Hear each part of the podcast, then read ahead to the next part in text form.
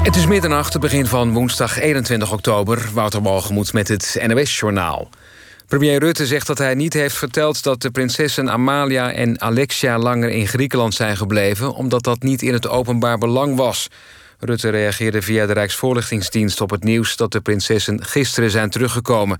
Volgens de premier is dat een privézaak. De koning, koningin en de jongste dochter Ariane vlogen zaterdag terug na ophef over hun buitenlandse vakantie in coronatijd.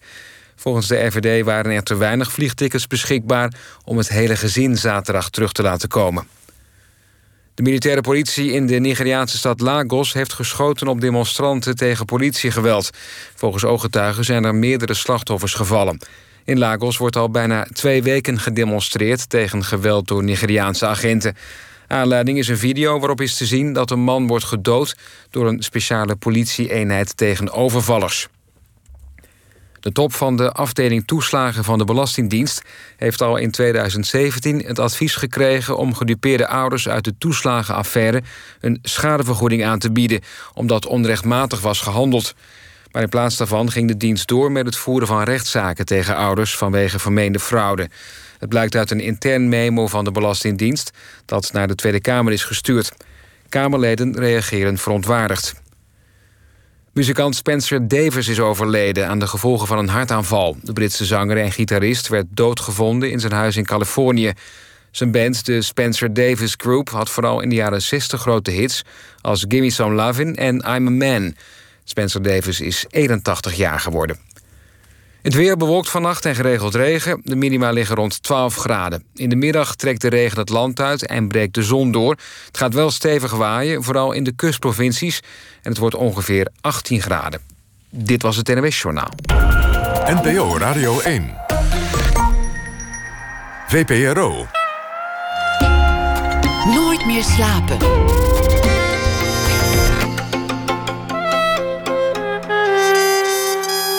Met Pieter van der Wielen.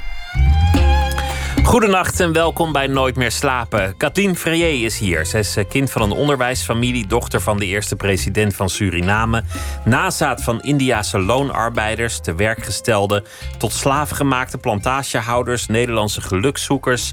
Haar stamboom leest als een koloniale geschiedenis.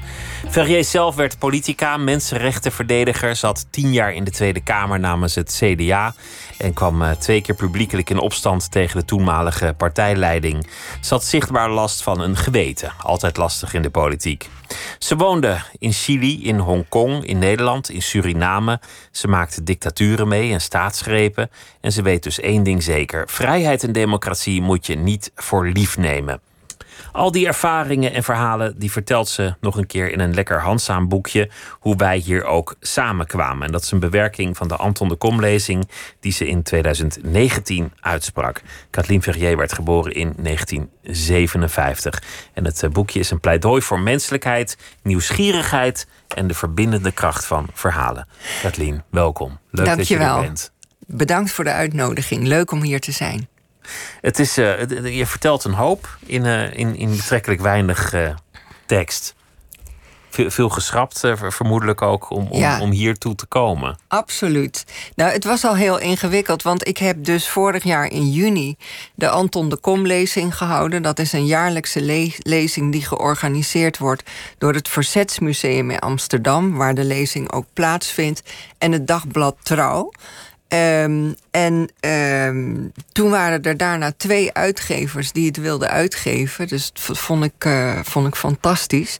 Uiteindelijk ben ik met Balans in zee gegaan.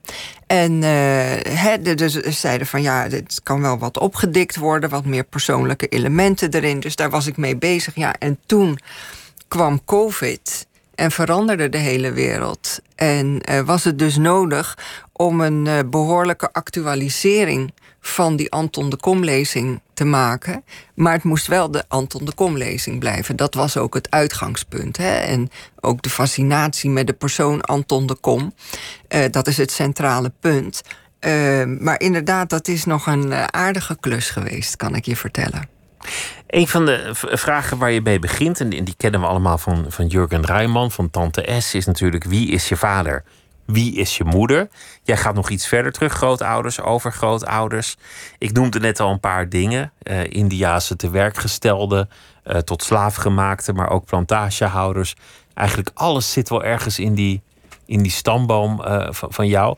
Betekent dat nog iets of is dat gewoon een verhaal voor je? Nee, dat betekent zeker iets. Dat is iets waar ik heel erg trots op ben. Um, waar zit die trots dan in? Um, nou, het gevoel dat je wortels eigenlijk over de hele wereld verspreid liggen. Um, het, maar om te beginnen, die vraag is ook niet zomaar een vraag van wie is je vader, wie is je moeder. Het is inderdaad ook in Suriname de vraag naar wie ben jij? Waar kom je vandaan? Waar liggen je wortels? Hoe kan ik jou plaatsen? Wie, wat, wat, wat, wat, is, wat is het verhaal? want de naam zegt niet alles. Wat ik in het boekje ook schrijf, je kan Sital Singh heten. En dan denk je, oh, dat is iemand met Indiaanse roots. En dan blijkt iemand er meer uit te zien als een boeroe een van de uh, uh, Nederlandse boeren die inderdaad als gelukzoekers naar Suriname gingen. Dus een naam zegt niet alles. En vandaar dat je vraagt van waar kom jij vandaan? Wie ben jij? En um, voor heel veel mensen in Suriname geldt, wat voor mij ook geldt, dat je wortels inderdaad verspreid liggen over de hele wereld. En wat ik in mijn uh, jeugd ook meegekregen heb in mijn opvoeding, is het besef uh, wees trots op die voorouders. Dat zijn niet zomaar mensen. Dat zijn de mensen die slavernij en contractarbeid overleefd hebben. En de sterkste, want dat waren afschuwelijke situaties waar mensen in zitten. En uh, nou, dat bloed stroomt door je aderen, daar stammen wij van af. Uh, doe daar iets mee met die kracht die je in je hebt. En uh, wees je bewust dat je wortels over de hele wereld liggen. Dat is, wel, dat is wel mooi dat je dat zo zegt. Want dat maakt eigenlijk dat je van een situatie van slachtofferschap, van onderliggen, de slavernij, toch iets van trots weet te maken. Iets van kracht eruit weet te putten. Dat je, ja. dat je het eigenlijk tot een bron van trots maakt. Ja, zo is het, uh, zo is het ons als kinderen ook voorgehouden. Wees trots op die voorouders die dit overleefd hebben, die voor hun menswaardigheid gevochten hebben. Daar stammen wij van af. Wij stammen af van de allersterkste. En uh, wees daar trots op en doe daar iets mee. En ook dat besef van uh, het migrant zijn, het van de ene plek naar de andere plek zijn, gaan geeft ook een zekere verantwoordelijkheid. Je noemde net ook van, uh, dat ik op allerlei plekken gewoond heb. Dat is ook een besef waarmee ik ben opgegroeid. Um, en uh, Kwame Anthony Appia, ik weet niet of die naam je wat zegt. Dat is een, uh, een, een uh, migratie-expert, mengeling. Zijn vader is Ghanese, zijn moeder is Brits. Hij woont zelf in de Verenigde Staten. Hij is hoogleraar op Harvard, als ik het goed zeg. En hij heeft eens verteld dat hij het dagboek voor, of dat zijn vader een brief had achtergelaten voor zijn zus en voor hem waarin zijn vader zei: als migrant heb je een speciale verantwoordelijkheid. En die verantwoordelijkheid is de plaats waar je komt, waar je aankomt. Als je verder gaat, die plaats beter achter te laten dan hoe je hem gevonden hebt. Omdat jij elementen in kan brengen die de mensen zelf niet kunnen inbrengen. Je komt iets brengen. Je komt niet alleen halen, brengen. je komt ook iets daar bijdragen aan, aan, die samenleving. Ja. Dat, dat, dat klinkt in alle opzichten door in jouw opvoeding dat je iets moet bijdragen aan de samenleving. Ja. Dat, dat je aan het collectief moet meehelpen. Ja, dat klopt. Uh, maar dat is nooit niet uh, zo ben ik inderdaad opgevoed. Maar vooral door hoe mijn ouders het voorleefden. Het was niet zo van je moet dit, je hebt een grote verantwoordelijkheid, een last op mijn schouders. Helemaal niet. Ik herinner me mijn uh, jeugd en opvoeding vooral als veel plezier. We hadden altijd veel plezier met elkaar. Er werd veel gelachen, veel gepraat, maar ook veel plezier. Lekker gegeten en gedanst. En... Maar wel met het besef, je leeft niet voor jezelf alleen. Je hebt de verantwoordelijkheid voor je medemens. Ieder mens is je gegeven. Uh, of die mens dichtbij is of ver weg. Wij mensen zijn elkaar gegeven. En uh, daar heb je een verantwoordelijkheid voor. Dus ook het besef van, uh, ja, zolang er nog heel veel ellende is, uh, ja, uh, ga ik niet me in mijn schulp terugtrekken, maar kijk ik op wat voor manier ik vanuit mijn positie daar iets aan kan doen. Ja, jouw vader is een, een legende in Suriname. Hij is, hij is al tien jaar niet meer onder ons. Hij was de laatste gouverneur van Suriname toen het nog uh, deel uitmaakte van het koloniale rijk der Nederlanden. En de eerste president van het onafhankelijke Suriname in 1975.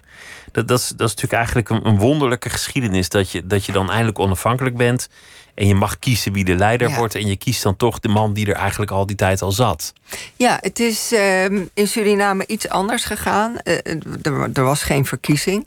Maar het zegt heel veel over mijn vader. De bijzondere man die hij was. Uh, het is ook uniek in de wereld. John Jansen van Galen heeft een, uh, een uh, biografie geschreven over mijn vader. Hè, die dus ook heet Laatste gouverneur, eerste president. De eeuw van Johan Ferrier, Surinamer. En John Jansen van Galen zegt ook... dit is uniek in de wereld dat de vertegenwoordiger van Ehm, het, het koloniale rijk. Suriname was in die tijd geen kolonie meer, want er was een nieuw staatkundig bestel sinds 1954. Maar toch de vertegenwoordiger van de koloniale macht, dat die de eerste president wordt. En dat had in Suriname vooral te maken met ehm, nou, de lastige situatie richting 25 november 1975. En dat er toen een beroep op mijn vader gedaan werd als iemand die door heel breed in de Surinaamse samenleving geaccepteerd wordt als gezaghebbend en betrouwbaar, eh, dat hem gevraagd werd om de eerste president te worden voor een overgangsperiode. En zo is het gegaan. Een soort vaderfiguur was hij. Een soort vaderfiguur en zeker met mijn moeder naast hem, Edmee vast. Ze waren samen. Hè. Uh, er was ook overal waar we kwamen, of dat in Nederland, of waar, ook of in Suriname of in Oostenrijk. Overal kwamen ze leerlingen tegen. Uh, mensen die zeiden van, oh meneer Verrier, oh mevrouw Vas, we hebben bij u in de klas gezeten. En dat geeft natuurlijk ook hè, onderwijzers in hart en nieren. En dat geeft natuurlijk ook een bepaald gezag en vertrouwen, wat in de politiek heel belangrijk is. Hoe was dat voor jou als, als meisje om op te groeien met nou ja, zo'n gezaghebbende vader, met zo'n beroemde vader? Heb je je daar ook wel eens tegen verzet? Had je wel eens de behoefte om daar tegen aan te schoppen? Nee, het was gewoon een deel van mijn leven. Bovendien waren nog mijn vader, nog mijn moeder mensen waar je tegenaan zou willen schoppen. Het waren mensen die ons verhalen vertelden. Mijn vader was de meesterverteller van de Anansi Tories. Ik heb zelf niet meegemaakt dat hij les gaf op de school waar ik les gaf. Maar mijn eh, broers en zussen uh, hebben het wel meegemaakt. En die vertellen altijd dat uh, als er een leraar ziek was, hoopte de hele klas dat meneer Verrier uh, zou invallen, want dan werden er verhalen verteld. De verjaardagen van mijn zusje en mij, dat waren grote feesten en ook van mijn eigen kinderen. Uh, toen ze klein waren, omdat mijn vader er altijd een feest van maakte. Met kinderspelletjes, met verhalen, met, met muziek. Um, dus nee, het, het, was niet zo dat ik het gevoel had uh, dat ik er tegenaan wilde schoppen. Het was wel zo dat toen ik elf jaar was, um, wij van Biliton, waar hij directeur was van de Nederlandse Bauxietmaatschappij, dat wij verhuisden naar Paramaribo in een paleis gingen wonen. En ik er op mijn elfde, uh, toen ik elf was, uh, meemaakte dat mensen graag bevriend willen zijn met je op een gegeven moment. Niet om wie jij bent, maar om de plek waar je woont. En uh, nou ja, dat zijn dingen die je als kind moet leren. Waarbij um, mijn ouders uh, ook meteen mijn zusje Joan en mij duidelijk hebben gemaakt. Het gaat niet om uiterlijkheden. Het gaat niet om waar je woont, wat voor kleren je hebt. Het gaat om de mensen die je bent. En um, ja, wij moesten ook uh, gewoon onze kamer opruimen, helpen met het huishouden. Jullie werden alles. absoluut niet, niet verwend. Nee. Zijn jullie, zijn jullie een hechte familie? Heel hecht. Heel hecht, ja. We waren heel close met elkaar altijd. We belden elkaar uh, vele malen per dag. We zijn een hele close familie. Ook met mijn broers en zussen in Suriname. Um, die zijn ouder dan ik. Die zijn uh, uit het eerste huwelijk van mijn vader, maar we hebben hele nauwe banden met elkaar. Als Jou, jouw halfzus is hier ook wel eens te gast geweest, Cynthia McLeod, de, ja. de, de, schrijfster. Ook, ook docenten geweest. Absoluut. Natuurlijk heel lang. Het, je, je noemde John Jansen van Galen. Die is op het laatst vaak op bezoek geweest bij jouw vader in Oegstgeest, waar hij lange ja. tijd gewoond heeft, de, de, de laatste decennia van zijn leven. Ja het dramatische moment is dan eigenlijk als die prille democratie om zeep wordt geholpen in 1980. En Ja. hij besluit om, om te vertrekken. Ja. En dan komt hij min of meer bij toeval daar in Oegstgeest terecht. Wat, wat weet jij daar nog van? Oh, dat, dat eh, staat mij heel erg bij. Dat was op 13 augustus 1980. Mijn zusje Joan en ik waren op dat moment in Suriname op vakantie. Want jij studeerde toen al in ik studeerde Nederland. in Nederland. Ja, ik studeerde in Leiden, Spaans en Portugees.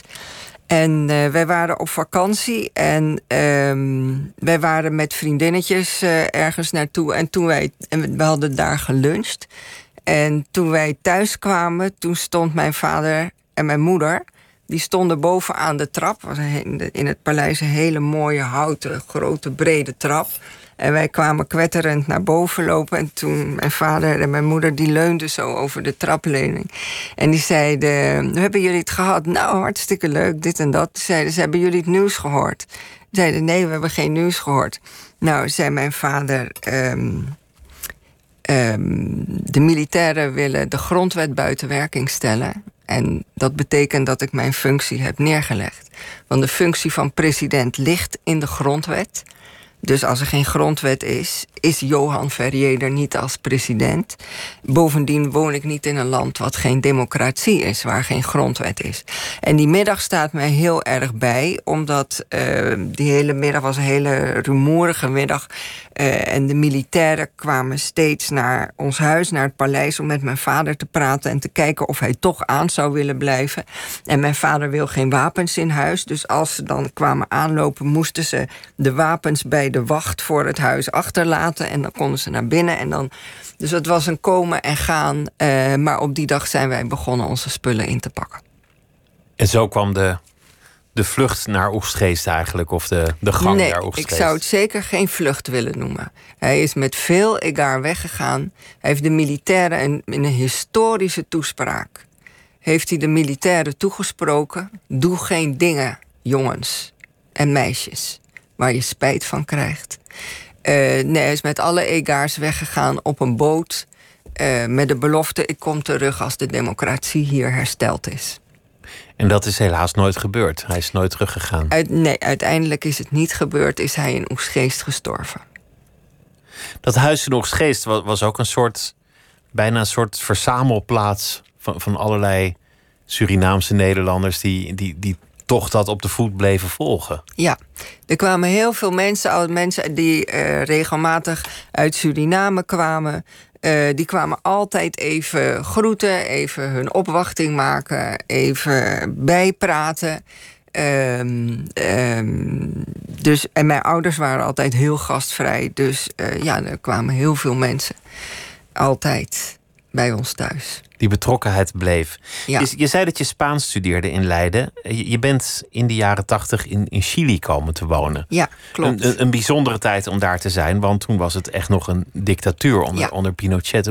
Hoe raakte je daar verzeld? Wat, wat kwam je daar doen? Nou, het eh, was zo dat ik studeerde dus Spaans en Portugees.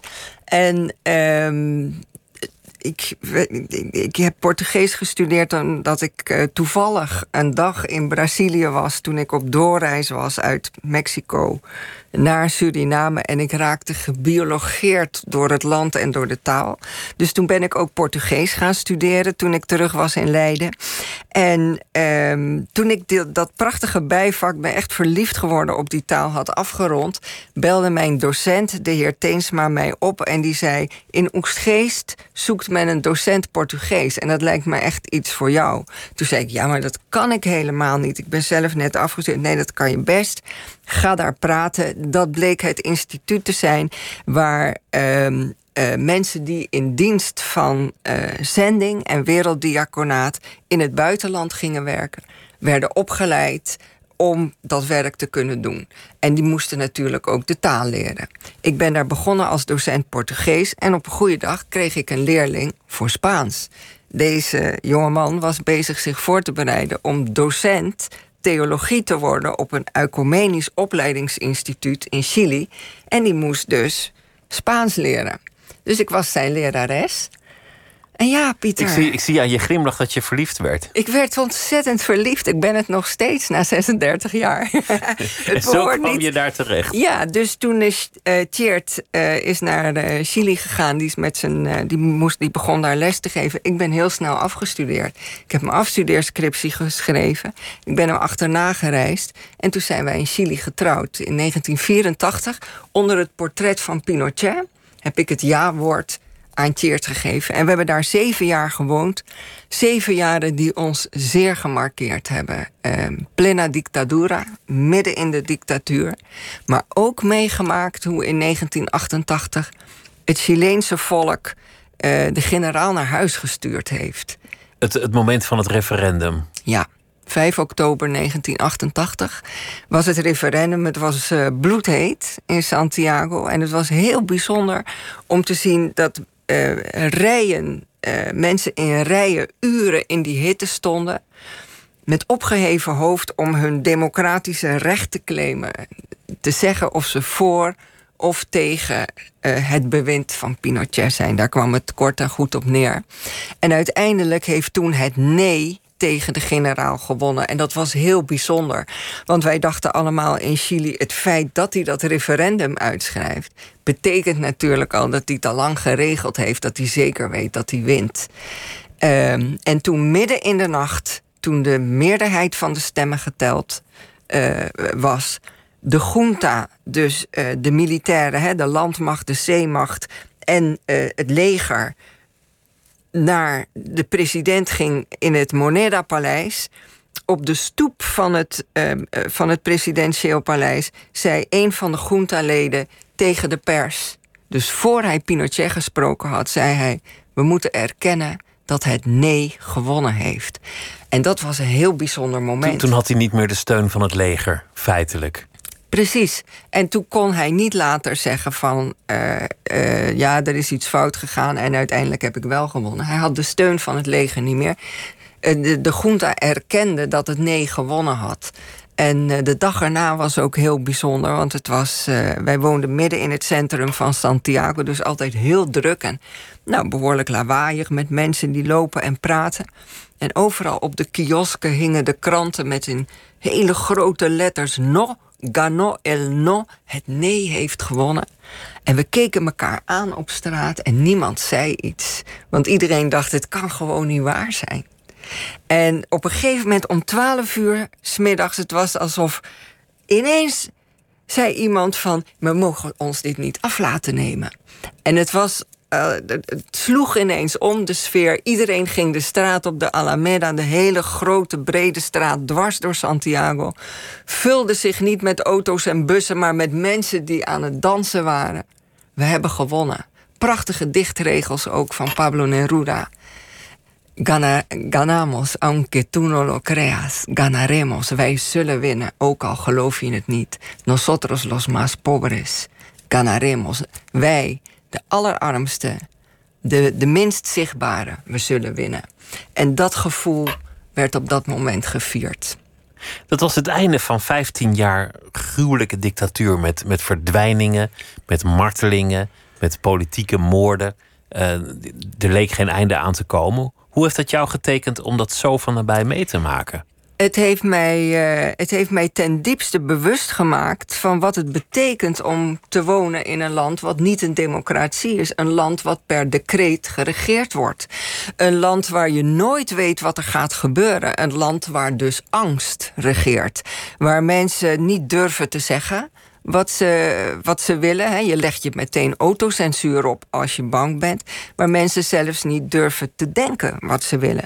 Ik werkte in die tijd eh, als vrijwilliger met het vicariaat van de Solidariteit.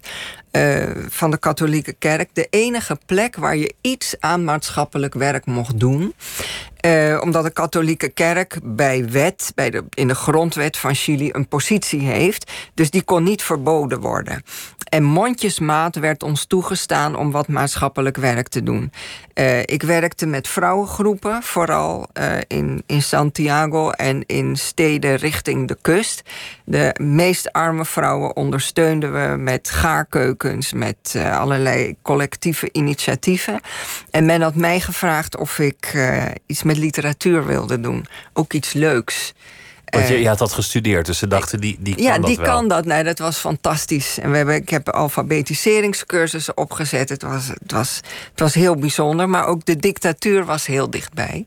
He, want deze vrouwen hadden ook meegemaakt dat uh, hun kinderen verdwenen, hun man verdween.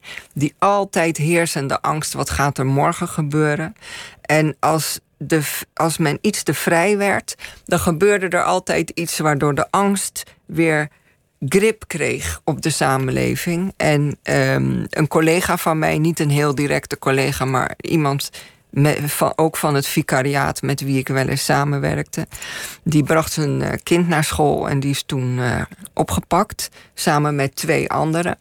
En uh, de volgende dag onthoofd teruggevonden. En dat zijn van die momenten Dat, dat, nou, dat de angst weer toeslaat. En, um, dus het is heel bijzonder als je ziet wat voor soort regime dat is. Dat uiteindelijk, he, er kwamen protesten en die werden groter. En wij liepen ook mee in die protesten. Uh, ook met de studenten uh, van Tjeerd, van het opleidingsinstituut. En die massa werd steeds groter, totdat uiteindelijk dan dat plebiscit, dat referendum kwam. En het is heel bijzonder om te zien hoe de bevolking dus echt het recht in eigen hand heeft genomen. De straat op is gegaan. Maar, maar jij liep mee in die, ja. in die demonstraties? Ja, natuurlijk. Dat, dat, ik zou als buitenstaander zeggen dat dat eigenlijk onbezonnen was. Of, Nou, of vergis ik me dan? Nou, ik- wij waren ons zeer bewust dat wij als buitenlanders ons bescheiden moesten opstellen. Eh, Als wij opgepakt zouden worden, zou in het ergste geval zouden wij op het vliegtuig gezet zijn, het land uit, nooit meer terug. Maar de mensen met wie we werken, onze collega's, de collega's van Tjeerd op het instituut waar hij werkt, dus zijn studenten, die zouden in heel andere situaties komen. Die zouden gedeporteerd worden, in, in strafkampen terechtkomen enzovoort. Dus we hebben ons altijd heel bescheiden opgesteld, nooit voorop gelopen. Maar eh, toen dan op een gegeven moment de studenten van Tjeerd, dat hele instituut massaal ging meelopen, ja, iedereen liep mee. Al onze vrienden en kennissen liepen mee. Bijna allemaal. Dus eh, ja, wij, wij, wij liepen ook mee. Maar wij zijn ons altijd heel erg bewust geweest dat je niet de persoon moet zijn als buitenlander. die vooraan loopt en van alles roept en schreeuwt. Dat was trouwens onlangs in Hongkong ook zo. Ik heb daar de Occupy-beweging eh, meegemaakt, waar ook mijn eigen studenten die daar de straat. Eh, het, het financieel-economisch hart van Hongkong bezet daar ging ik ook altijd kijken. Maar ik was niet de persoon die de opruiende teksten het hardst liep te schreeuwen. Ik liep rond omdat ik het natuurlijk ontzettend interessant vond. Met, een- met een bescheiden profiel. Ja. Wat jij vertelt over dictatuur en, en hoe dat lot kan keren. eh, ten, ten kwade, zoals in Suriname, of ten goede, zoals uiteindelijk in, in Chili. Ja, Het blijft actueel. Ja. Democratie en vrijheid, je kan, je kan gaan zitten en zuchten van eh, hè, we hebben het. Nee. En voor je het weet is het weer weg. Ja, En, en dat, als ik nu kranten lees op dit moment, dan, dan zie ik dat eigenlijk op elke bladzij terugkeren. ja, Wat, wat is die vrijheid ons waard? Hoe lang blijft die nog? Waar zijn de gevaren? ja. Wat zijn we bereid eh, eh, vast te houden? Waar, wat zijn we bereid om voor te vechten? Om inderdaad die straat voor op te gaan, zoals men dat in Chili deed, zoals men dat in eh, Hongkong deed, zoals men dat nu in Thailand doet, zoals men dat in Minsk doet. Welke waarden wil je beschermen? En eh, dat is ook eigenlijk. ehm, ja, dat is eigenlijk ook de achtergrond van, eh, van dit essay. Wees je bewust van datgene wat je hebt. Neem het niet als vanzelfsprekend aan. En wees je er ook van bewust dat om het te beschermen, de democratie, maar ook tegelijkertijd om een antwoord te geven op de grote uitdagingen waar we als ehm, als mensen, als humaniteit vandaag de dag voorstaan, dat je echt iedereen nodig hebt. Het is niet zo eenvoudig. Je kan niet aan mensen voorbij gaan, bedoel je? Dat is ook een belangrijk aspect daarvan. ja, nee, ja, ook omdat je voor de antwoorden op de complexe vragen waar we voor staan, en het gaat om het vinden van antwoorden op vragen. Wil je democratie kunnen vasthouden? En dan moet je antwoord hebben op de complexe vragen waar we vandaag de dag mee te maken hebben. Heb je, heb je uh, diversiteit en heb je creativiteit nodig? En dat betekent ook dat je anderen nodig hebt. Inderdaad, ook mensen misschien van verder weg dan je gewend bent. En je dus interesse moet hebben in wie die mensen zijn en wat ze bij te dragen kunnen hebben. Want dat gaat nu niet goed. Veel mensen doen eigenlijk helemaal niet mee, horen er helemaal niet bij. Nee. Of het wordt ze niet toegestaan om mee te doen, of ze vluchten weg in allerlei complottheorieën, eh, vernauwen hun blik, sluiten zich op in hun eigen wereld, hun eigen denkwereld. En die enorme versplintering, die, door al die breuklijnen die er zijn, ook in de Nederlandse samenleving, wordt het heel moeilijk om gezamenlijk uh, je ervan bewust te worden van wat is er aan de hand in de wereld? Welke waarden willen we beschermen? En welke antwoorden hebben we op de grote uitdagingen waar we voor staan als het gaat om klimaat? Maar ook bijvoorbeeld als het gaat om de aanpak van een zeer gevaarlijk virus als COVID. Daarom is politiek ook uiteindelijk voor, voor jou belangrijk. Voor wie het inschakelt, Kathleen Ferrier die is hier. Ze heeft een, eh, een boekje geschreven hoe wij hier ook samen kwamen. Je, je bent na je Chileense jaren uh, teruggekomen naar Nederland. Ik heb eerst nog in Brazilië gewoond. In Brazilië heb je ook nog uh, gewoond. Ja. ja. En op een zeker ogenblik ben je, ben je hier Kamerlid geworden. En ja. dat, dat, vind, dat vind ik eigenlijk wel wonderlijk altijd, omdat dat is toch ook altijd een soort corvée. Als iemand zich tot het landsbestuur bekeert. Ik, ik, denk altijd, nou ja, goed, ik ben blij dat ik het niet hoef te doen en dat andere mensen dat allemaal op zich nemen en al die uh, bestuurlijke dingen gaan doen. Hoe, hoe, kijk je eigenlijk terug op, op je tijd in de politiek? Nou, ik, het was een uh, zeer interessante tijd. Ik ben heel erg uh, dankbaar dat ik die tien jaar, dat ik volksvertegenwoordiger heb mogen zijn. In de eerste plaats Weet je, hè, als je meegemaakt hebt wat het is om niet in een democratie te wonen, zoals in Chili, is het een geweldige geweldig voorrecht om volksvertegenwoordiger te mogen zijn. En het is ook eigenlijk best heel, uh, ja, heel mooi gegaan. Um, ik was uh, algemeen secretaris van een vereniging van migrantenkerken, Samenkerken in Nederland.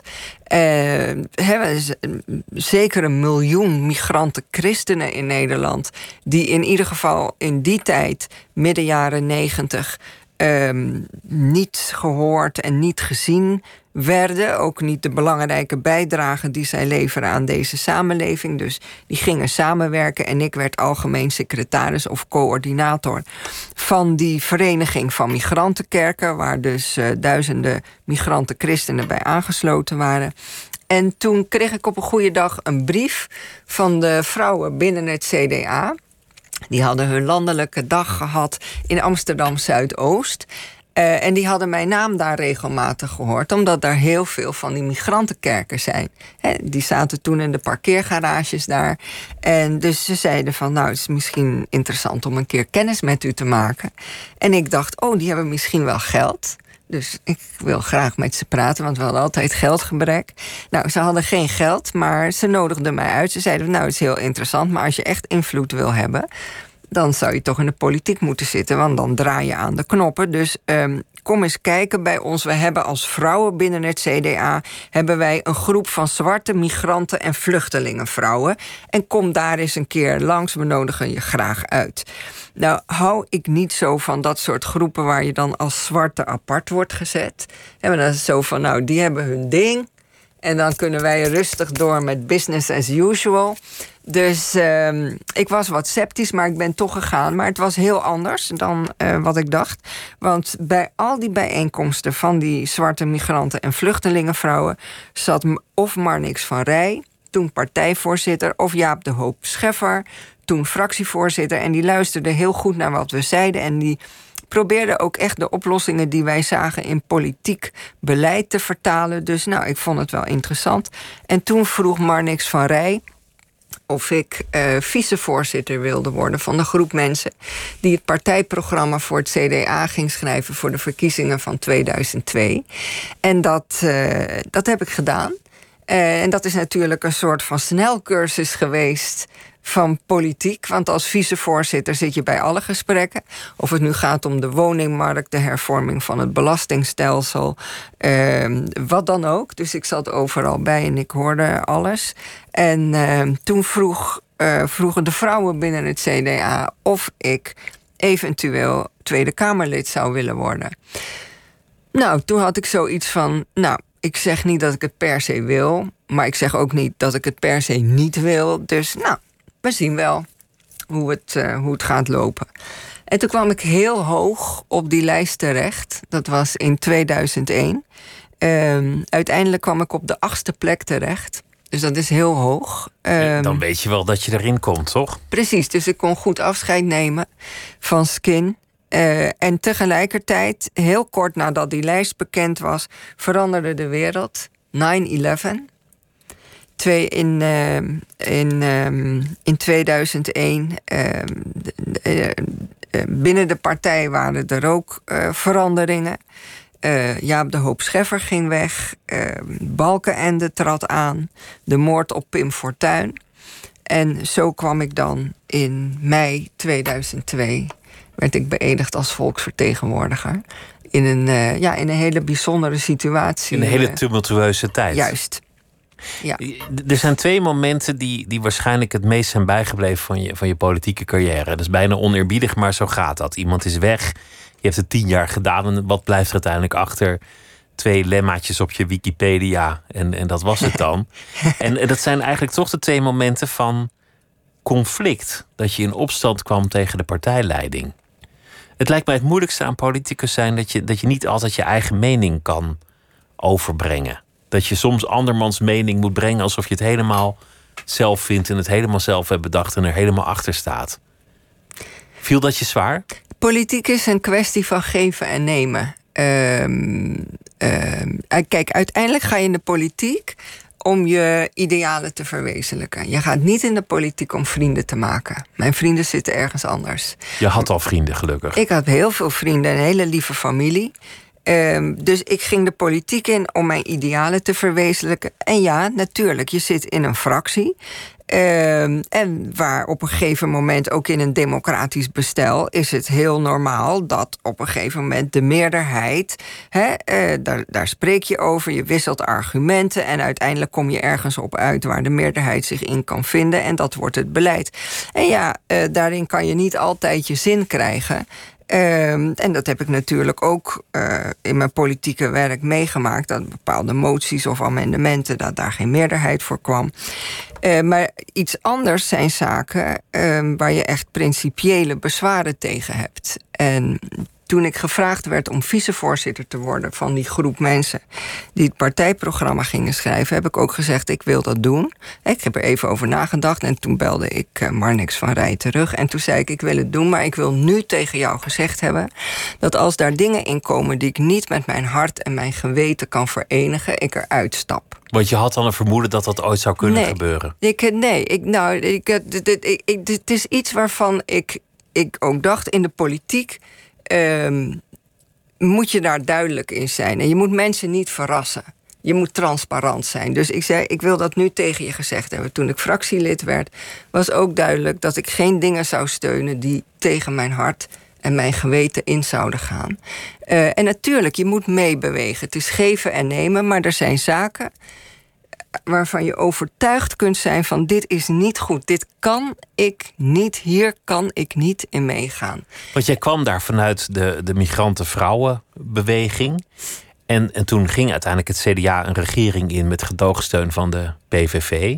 Jij was ineens de stem van het verzet binnen het CDA. Ja. Ik heb het vandaag teruggekeken. Je, je had een toespraak van vier minuten.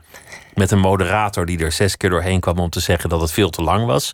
Vier minuten. Want je, ja, je was toen al twee minuten aan het woord. Kortom, het was niet wat men wilde horen.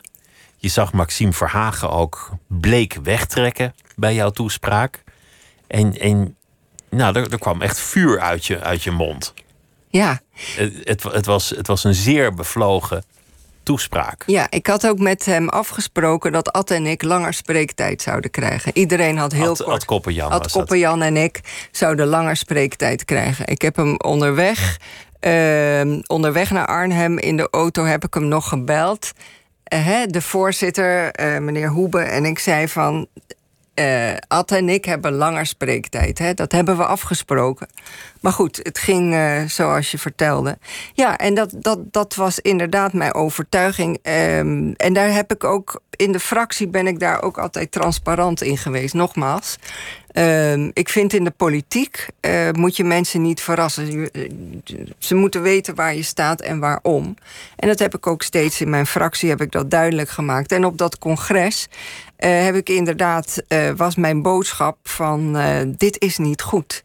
Het is niet goed om een partij als de PVV, die een grote groep mensen in ons land op grond van hun religie, um, zeg maar, um, stigmatiseert door te zeggen dat hun religie geen religie is, maar een politieke ideologie. En ik vond dat zeker wij als christendemocraten, als grootste partij die religie als uitgangspunt heeft, aan de wortels van de eigen grondbeginselen zaagt op het moment dat je zo'n partij in het bestuur haalt. Ik zeg niet dat je de partij niet serieus moet nemen, dat moet je absoluut doen. Niet voor niets hebben ze zoveel, hadden ze zoveel zetels gewonnen, omdat ze de vinger leggen op een gevoelige plek. Maar de oplossing is niet ze in het bestuur te halen of zo een partij light te worden, maar om je eigen antwoorden te formuleren op de zaken waar zij de vinger op gelegd hebben. Dat, dat was jouw standpunt. Had je toen niet gewoon meteen willen opstappen? Nee. Helemaal niet. Er is geen moment in mijn hoofd opgekomen. Juist omdat op dat congres ook duidelijk werd dat een derde van de partij uh, het standpunt van Ad Koppenjan en mij deelde. Uh, hebben Ad en ik gezegd, wij blijven in de fractie. En uh, we hadden toen een fractie van 21 mensen. Dus een derde zou eigenlijk zijn dat zeven mensen in die fractie dat geluid zouden laten horen. Nou, Ad en ik waren met z'n tweeën. En we hebben toen ook tegen onze, uh, onze fractiegenoten gezegd: ja, um, nou, wij gaan ons best doen om het geluid van de minderheid die hier tegen is, te laten horen. Dit was een moment dat jij je geroepen voelde om echt in verzet te komen. Om, ja. om, je mening te laten gelden. Ja, het was mijn diepe overtuiging en het is nog steeds zo. Want ik vind nog steeds dat mijn partij op dat moment een grote fout gemaakt heeft. Um, dat dat geen goede beslissing was. Niet voor de partij, niet voor de mensen in het land en niet voor het land. Je zei, ik kwam niet naar de politiek om vrienden te maken. Heb, heb je uiteindelijk vrienden gemaakt in, in de politiek? Ja, zeker. Ja. Er zijn mensen met wie ik hele goede banden heb. Ad Koppenjan, uh, Jan Schinkelshoek.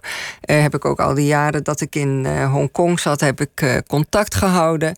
We elkaar, als ik in Nederland was, gingen we altijd even koffie drinken. ook van andere partijen heb ik mensen met wie ik hele goede banden heb, waar ik zeer aan hecht.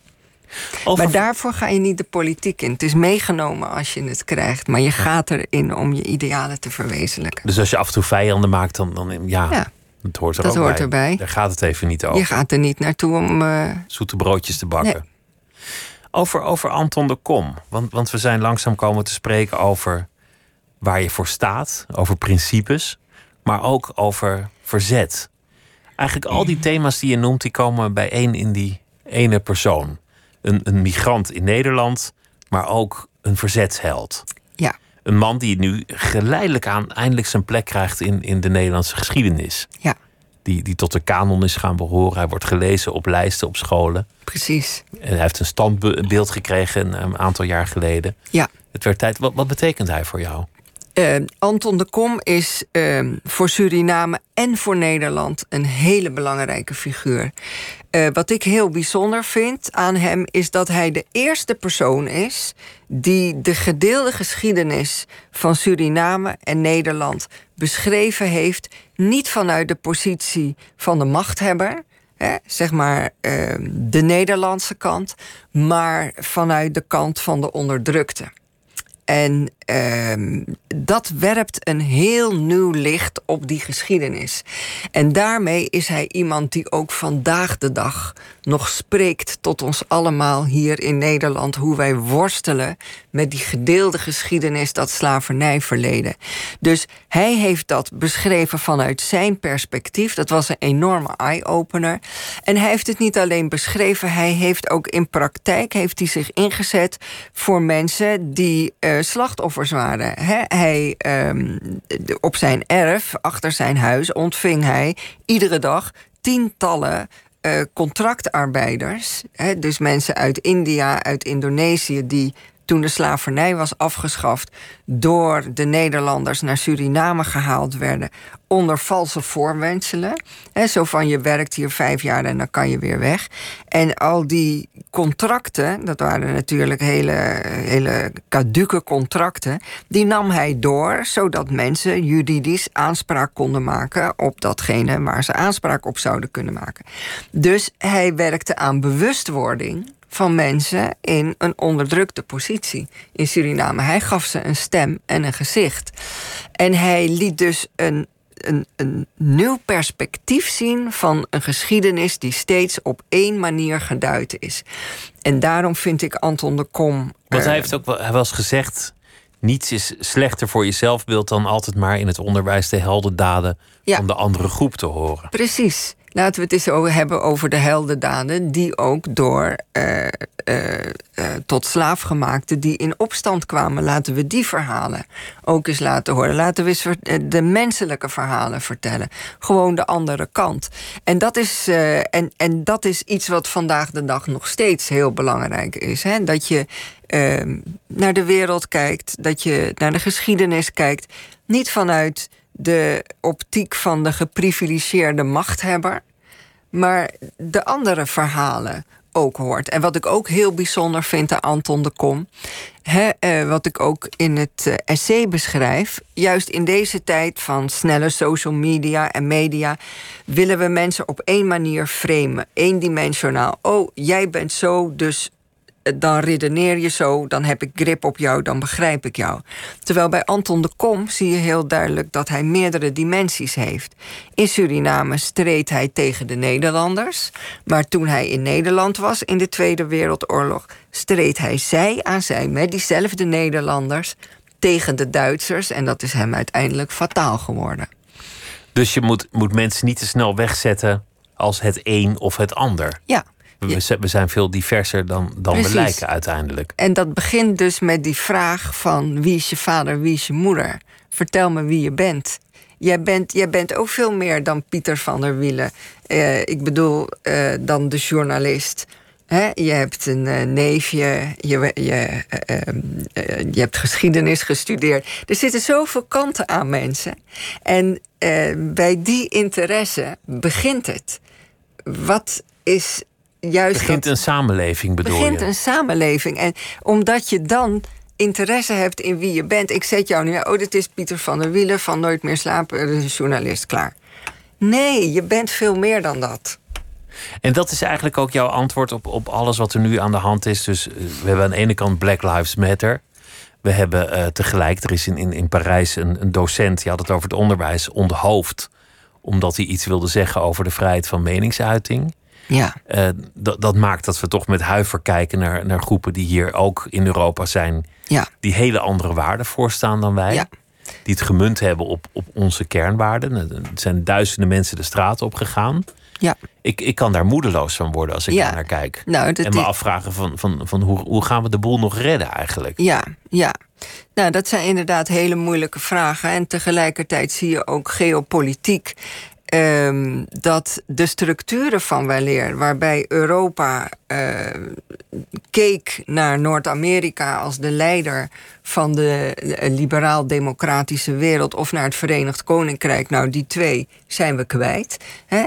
Dus hoe gaan we nu als Europa uh, hiermee om? En tegelijkertijd, hè, dus die leiders van de westers-liberale wereld, die zijn in, aan het instorten.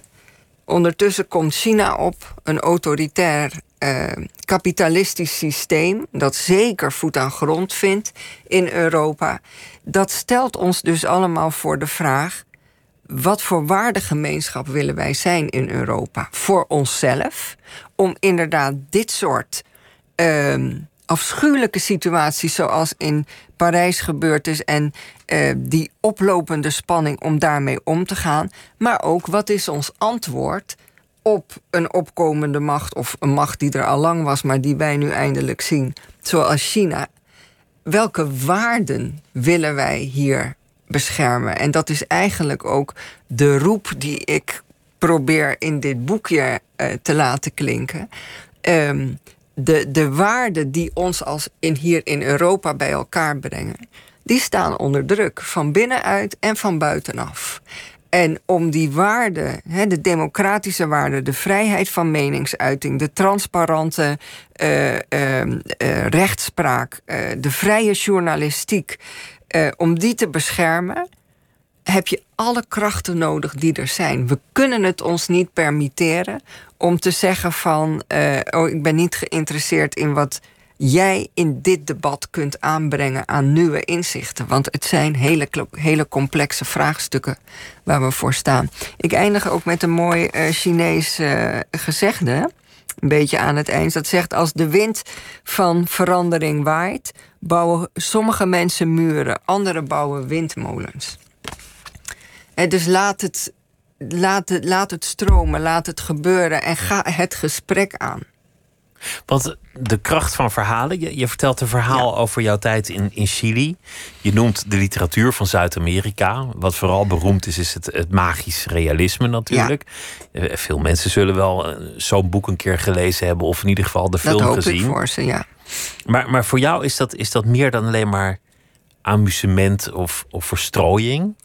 Jij zegt dat, dat je hebt geleerd toen dat literatuur veel meer kan doen. Ja dan dat alleen. Ja. waarom, waarom vind je dat? Nou, ik bepleit de kracht van verhalen, omdat verhalen je helpen uh, je in te leven in iemand anders. In wat iemand anders meemaakt, in hoe iemand anders denkt. Het stimuleert je empathisch vermogen. Het leert je ook dat de woorden die je gebruikt uh, heel bepalend zijn voor de sfeer die je creëert, de manier waarop een ander naar je kijkt, de openingen die het biedt om er samen wel of niet uit te komen. Wees je daarvan bewust. En uh, door verhalen leer je ook dat je niet je mond moet houden. Want uh, je moet je uitspreken. Hè? Verhalen gaan over gebeurtenissen, spannende avonturen. Ehm, dat je het, en zeker vandaag de dag kunnen wij hè, als mensen van goede wil, goed bedoelende mensen, wat toch nog steeds de meerderheid is, het ons niet permitteren om stil te blijven en te zeggen van, ach, weet je, ik heb er geen zin in, um, ze zoeken het maar uit. Um, ik bemoei me er niet mee. Nee, er staat veel te veel op het spel. Dus het is ook eigenlijk een oproep, juist aan de mensen van goede wil, om niet te zwijgen, maar om de goede woorden te kiezen, om interesse te tonen in de medemens, omdat deze tijden het van ons vragen. Dat, dat klinkt nog steeds makkelijker dan het in praktijk is, natuurlijk. Absoluut. De, ja. het, is, het is natuurlijk niet van, goh, nou, ik ga er eens op uit met een mooi verhaal en dan. Nee. Dan komen we er wel. Nee, vandaar dat ik ook juist bepleit dat, uh, dat op scholen en dat kinderen op jonge leeftijd gestimuleerd worden om te lezen en verhalen horen. Omdat juist hè, de, de komende generaties, en ik heb veel uh, vertrouwen in de jeugd hoor, ik zie hele mooie dingen gebeuren. Maar dat je ook met, bij kleine kinderen begint, juist om dat empathisch vermogen te stimuleren. Het je inleven, het je verbeelden in een boek dat je iemand anders bent. Dat helpt enorm bij het oplossen van de problemen waar we nu mee zitten. En ik ben natuurlijk met je eens. Hè, uh, kijk wat er in, in Frankrijk is gebeurd. Kijk wat er uh, gebeurt op zoveel plekken in de wereld. Uh, het is niet makkelijk om die verbindingen te maken. Maar we kunnen het ons ook niet permitteren om te zeggen: Nou, dan doen we het maar niet. Dan laten we het maar lopen. Dat zal jij toch ook vinden? De natuurlijke neiging is natuurlijk wel om je terug te trekken, maar is misschien niet de beste strategie nee, uiteindelijk. ik ben ervan overtuigd dat het niet de strategie is. Uh, en dan ben je toch, toch een dochter van een onderwijsfamilie op zo'n moment. Dat klopt, ja. Je, je, je zei terloops iets over jezelf als, als zwarte vrouw. Ja. Die zei: Ik hou er niet van om, om weggezet te worden in een clubje zwarte vrouwen binnen zo'n Ja. CDA. Heb je, heb je daar eigenlijk veel van gemerkt in, in al die jaren dat je hier actief was of, of werkte? Dat, dat, dat je anders werd bejegend vanwege je huidskleur? Natuurlijk, ik ben ook een zwarte vrouw. Dus dat is natuurlijk zo. En dat vind ik eigenlijk een van de. Omdat het nu iets van het laatste jaar is dat iedereen die verhalen vertelt en dat, dat die naar buiten komen. Nou, dat vind ik wel een van de hele mooie aspecten van Black Lives Matter. Is dat al die verhalen nu verteld worden. Hè? En dat is dus ook net als met Anton de Kom, dat je nu eens de andere kant hoort van wat er gebeurt. En eigenlijk was ik heel erg verbaasd dat heel veel mensen niet weten wat een deel van de dagelijkse werkelijkheid is voor heel veel mensen in onze Nederlandse samenleving.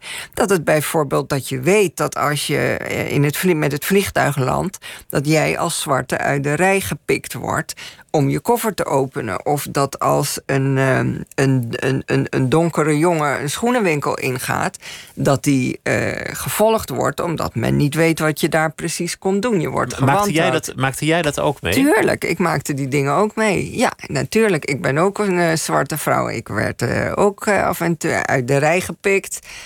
Altijd als ik naar het Verenigd Koninkrijk ga, word ik altijd uit de rij gepikt. eh, en op andere plekken ook. Eh, stelselmatig overgeslagen in bepaalde winkels. Dat mensen je negeren en je duidelijk op een totaal andere manier behandelen als anderen. Zo van ja. eh, u hoort hier eigenlijk niet, of jij hoort hier eigenlijk niet. Of mensen die jou zodanig framen dat je eh, nou, een bepaald gedrag vertoont. Dat je bijvoorbeeld altijd heel erg grappig bent. Terwijl ik denk, ik ben helemaal niet altijd grappig. Maar dan krijg je zo'n label opgeplakt. Dus de- ja, zeker, dat zijn dingen waar je mee te maken hebt. Ehm, Je, je schrijft bijvoorbeeld dat, dat je dan gaat studeren in Leiden en dat een van de docenten zegt: ehm, een cursus Nederlandse grammatica. Dat, Ja. ze- dat zou jou Ja. goed doen. Terwijl je grammatica prima is, Ja. niks op aan te merken, want je had hoge cijfers voor Nederlands.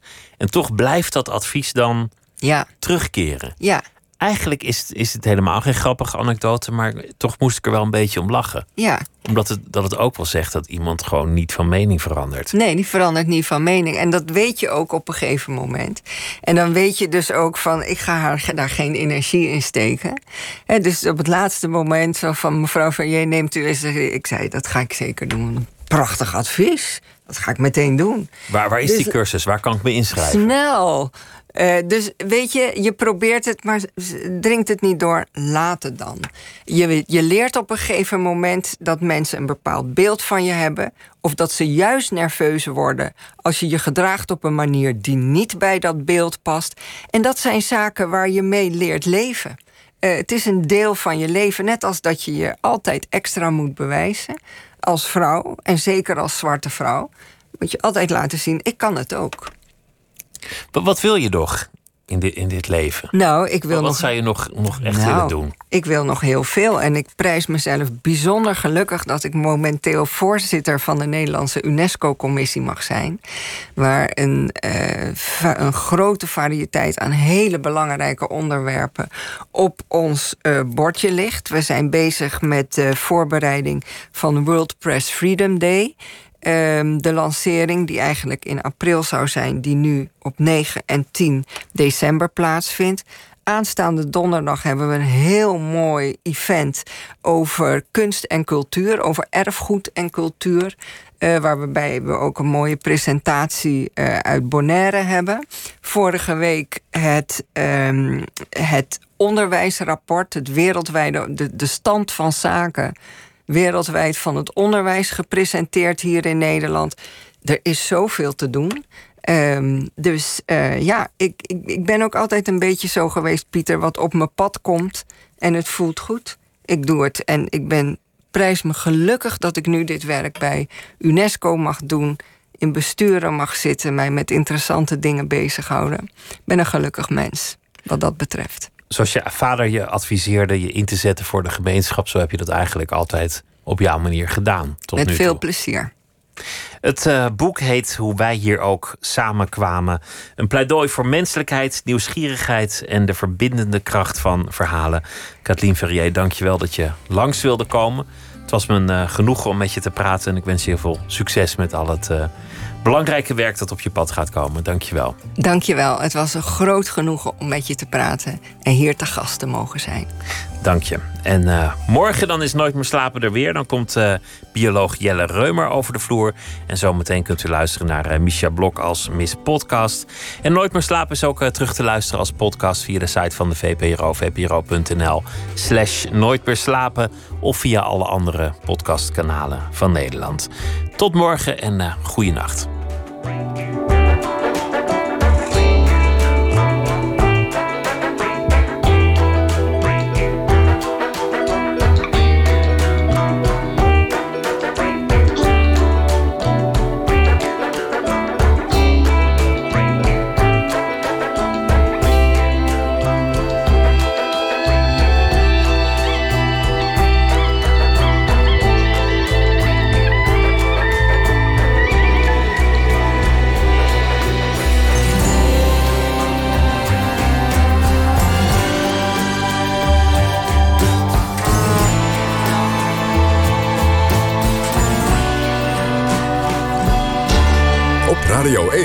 Het nieuws van alle kanten.